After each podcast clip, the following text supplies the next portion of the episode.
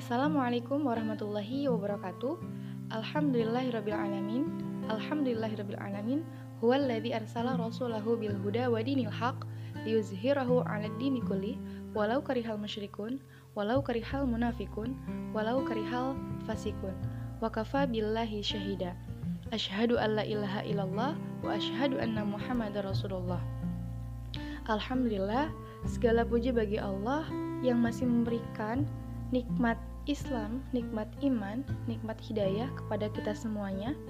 Tidak lupa, sholawat berserta salam kita limpahkan kepada pemimpin kita, uswah terbaik kita yang tidak bisa ditandingi oleh uswah-uswah lainnya gitu ya. Oleh tokoh-tokoh lainnya gitu ya yaitu Rasulullah Muhammad Shallallahu Alaihi Wasallam. Beliau adalah uswah uswah teladan terbaik gitu ya yang sudah membawa zaman dari zaman kejahiliahan menuju zaman cahaya Islam terang benderang. Sebelumnya, saya izin untuk memperkenalkan diri. Nama saya Yuliah Nurul Sazida. Saya dari Prodi Kesehatan Masyarakat. Di LDK saya, saya masuk ke divisi syiar. Oke, teman-teman. Sebelumnya saya izin untuk sharing ya. Sharing di sini yaitu masih berkaitan dengan tanggal 10 November. Oke. 10 November itu Hari Pahlawan. Jadi, saya ingin sharing mengenai Raja Jawa tanpa mahkota.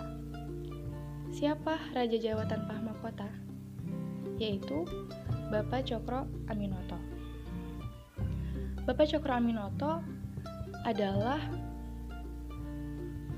Raja Jawa tanpa mahkota. Kenapa dikatakan Raja Jawa tanpa mahkota gitu?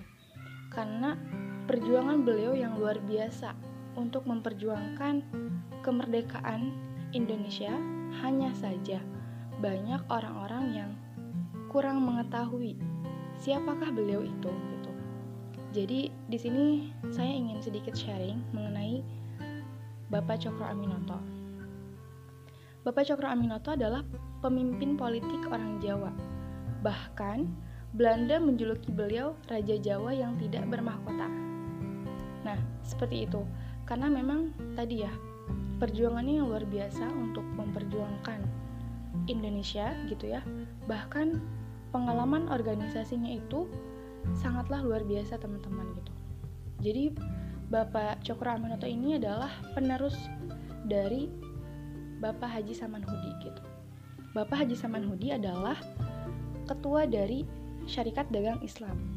Nah, Syarikat Dagang Islam ini apa sih gitu ya? Tujuannya apa sih Syarikat Dagang Islam ini? Nah, tujuan dari adanya Partai Syarikat Dagang Islam yang pertama itu untuk mempersatukan pedagang batik. Yang kedua, untuk mempertinggi harkat dan derajat pribumi. Dan yang ketiga, untuk meningkatkan ekonomi umat. Nah, itu adalah tujuan dibentuknya Syarikat Dagang Islam, yaitu pada tahun 1905 yang diketuai oleh Bapak Haji Samanhudi ketika Bapak Haji Samanhudi itu wafat atau meninggal gitu ya dilanjutkanlah estafeta perjuangan itu oleh Bapak Cokro Aminoto. Nah yang awalnya syarikat dagang Islam itu berubah menjadi syarikat Islam. Kenapa berubah gitu ya? Karena syarikat dagang Islam itu lebih kepada ekonomi gitu ya. Sedangkan syarikat Islam itu fokusnya lebih kepada politik sosial gitu ya. Jadi latar belakang adanya syarikat Islam ini yaitu sebagai respon adanya kristenisasi yang dilakukan oleh Belanda. Jadi ketika itu penjajah itu ingin menjauhkan khususnya umat Islam dari agamanya sendiri atau mungkin dari akidah itu sendiri. Makanya adanya partai Syarikat Islam ini gitu ya untuk meluruskan gitu ya atau agar umat Islam mengetahui tujuannya sebagai umat Islam itu apa gitu. Syarikat Dagang Islam ini dibentuk pada tanggal 10 September tahun 1912. Nah, pergerakan syarikat Islam kemudian diganti dengan nama Partai Syarikat Islam India Timur pada tahun 1927 dan akhirnya pada tahun 1930 diganti dengan nama Partai Syarikat Islam Indonesia. Maksud dengan adanya Partai Syarikat Islam Indonesia itu untuk menjalankan Islam dengan seluas-luas dan sepenuh-penuhnya agar dapat menjadikan suatu dunia Islam yang sejati. Nah, seperti itu. Itu adalah pengalaman organisasi beliau di syarikat Islam gitu ya. Bahkan beliau itu salah satu tokoh yang betul-betul luar biasa teman-teman gitu. Nah, saking luar biasanya juga gitu ya. Ketika Turki Utsmani runtuh, tahun 1924, Bapak Cokro Aminoto pun diutus untuk hadir di Syuro Akbar. Syuro Akbar di sini adalah pan-islamisme. Nah, pan-islamisme itu adalah persatuan umat Islam di dunia. Latar belakangnya adanya pan-islamisme karena tadi Turki Utsmani ketika itu menjadi pusat pemerintahan Islam Berbicara pusat berarti banyak negara-negara yang menginduknya kepada Turki.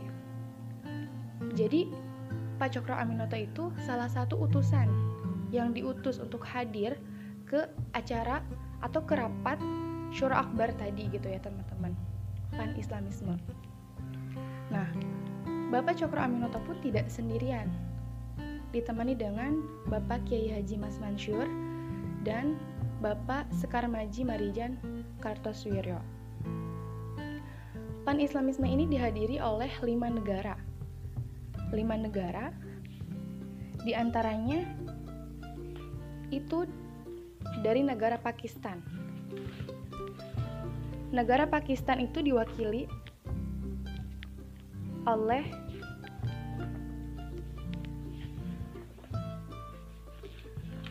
Negara Pakistan itu diwakili oleh Muhammad Rashid Rashid Ridho. Dan dari Mesir itu diwakili oleh Hasan Albana dengan organisasi Ikhwanul Muslimin. Dan dari Turki Utsmani itu diwakili oleh Syekh Muhammad Abdu dan dari Palestina itu diwakili oleh Taqiyuddin An-Nabhani gitu ya dengan organisasi Hizbut Tahrir. Dan di Nusantara itu diwakili oleh Bapak Hos Cokro Aminoto. Bapak Hos Cokro Aminoto dari Partai Syarikat Islam Indonesia. Ya, jadi luar biasa gitu ya teman-teman. Bapak Cokro Aminoto itu salah satu tokoh yang mewakili Syuro Akbar pan-islamisme gitu ya. Jadi respon dari salah satu apa ya respon negara gitu ya yang ketika itu Turki Utsmani itu runtuh dari Nusantara ada yang mewakili gitu ya yaitu Pak Cokro Aminoto gitu ya jadi ketika Islam itu runtuh di Turki Utsmani karena dari negara itu harus harus segera gitu ya harus segera menentukan bahkan harus punya kiblat gitu ya sehingga umat Islam itu tidak terpecah belah gitu karena ketika sudah mempunyai induk, maka akan jelas gitu ya, pusat pemerintahannya seperti apa. Seperti itu. Nah, kurang lebih untuk pengalaman organisasinya seperti itu bahkan kehebatan beliau tuh luar biasa ya teman-teman gitu. Lanjut, Bapak Cokro Aminoto pun adalah salah satu tokoh, bahkan beliau itu dikatakan sebagai guru besar bangsa Indonesia gitu. kenapa dikatakan guru besar bangsa Indonesia gitu ya? Karena dari beliau lah lahir tokoh-tokoh besar ternama gitu ya. Salah satunya itu Soekarno Bapak Insinyur Soekarno. Selanjutnya ada Muso dan selanjutnya juga ada Bapak Sekar Maji Marijan Kartosuwiryo. Nah, ketiga tokoh itu adalah murid dari Pak Cokro Aminoto gitu.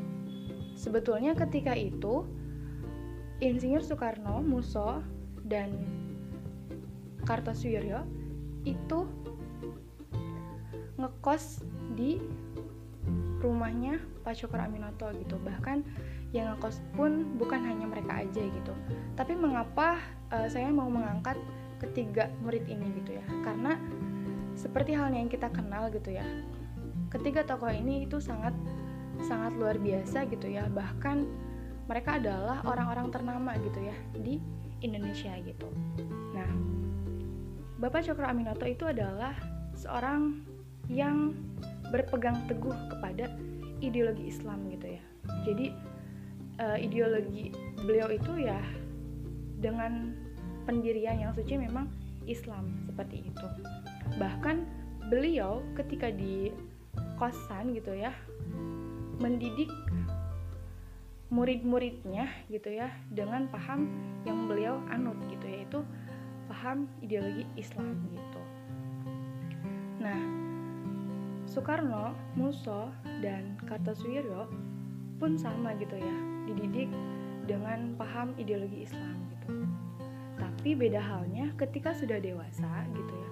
Karena Soekarno Muso gitu ya dan Pak SM Kartosuwiryo gitu ya mereka mencari jati diri gitu ya.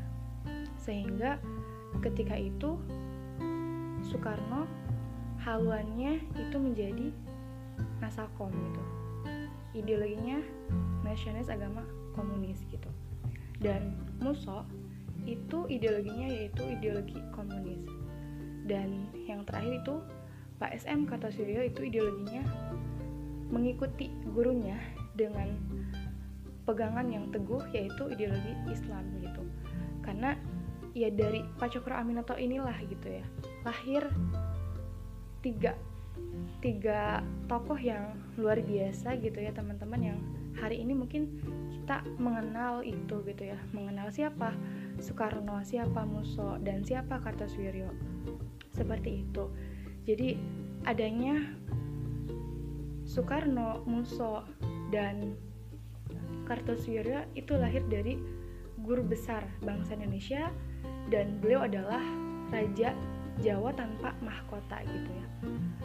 Yaitu Pak Cokro Aminoto. Perjuangan beliau sangatlah luar biasa dan kita sebagai pemuda gitu ya, kita harus sadar akan pentingnya sejarah gitu. Karena sejarah itu berasal dari bahasa Arab yaitu sajarotun yang artinya pohon. Siklus pohon itu secara berulang ya teman-teman gitu. Jadi kita sebagai pemuda harus sadar akan kebenaran sejarah dan kita harus tertarik dan harus mencari tahu gitu ya sejarah yang sebenarnya seperti apa gitu. Bahkan banyak di kalangan pemuda khususnya kita teman-teman ya kita belum tahu gitu ya siapa sih Pak Cokro Aminoto gitu. Bahkan ya itulah Pak Cokro Aminoto adalah orang hebat gitu ya dengan perjuangannya yang luar biasa gitu ya. Mungkin nanti teman-teman bisa dicari lebih lanjut lagi seperti itu. Bahkan murid-muridnya pun itu sangat luar biasa gitu ya. Mulai dari Soekarno, Muso dan Bapak SM Kartosuwiryo seperti itu. Kurang lebihnya seperti itu yang bisa saya sampaikan. Mohon maaf atas segala kekurangannya karena saya pun sama sama-sama sedang belajar. Lillahi fisabilil haq fasabikul khairat. Yang benar itu mutlak datangnya dari Allah salah hilaf itu dari diri saya. Gitu. Semoga bermanfaat. Wassalamualaikum warahmatullahi wabarakatuh. thank you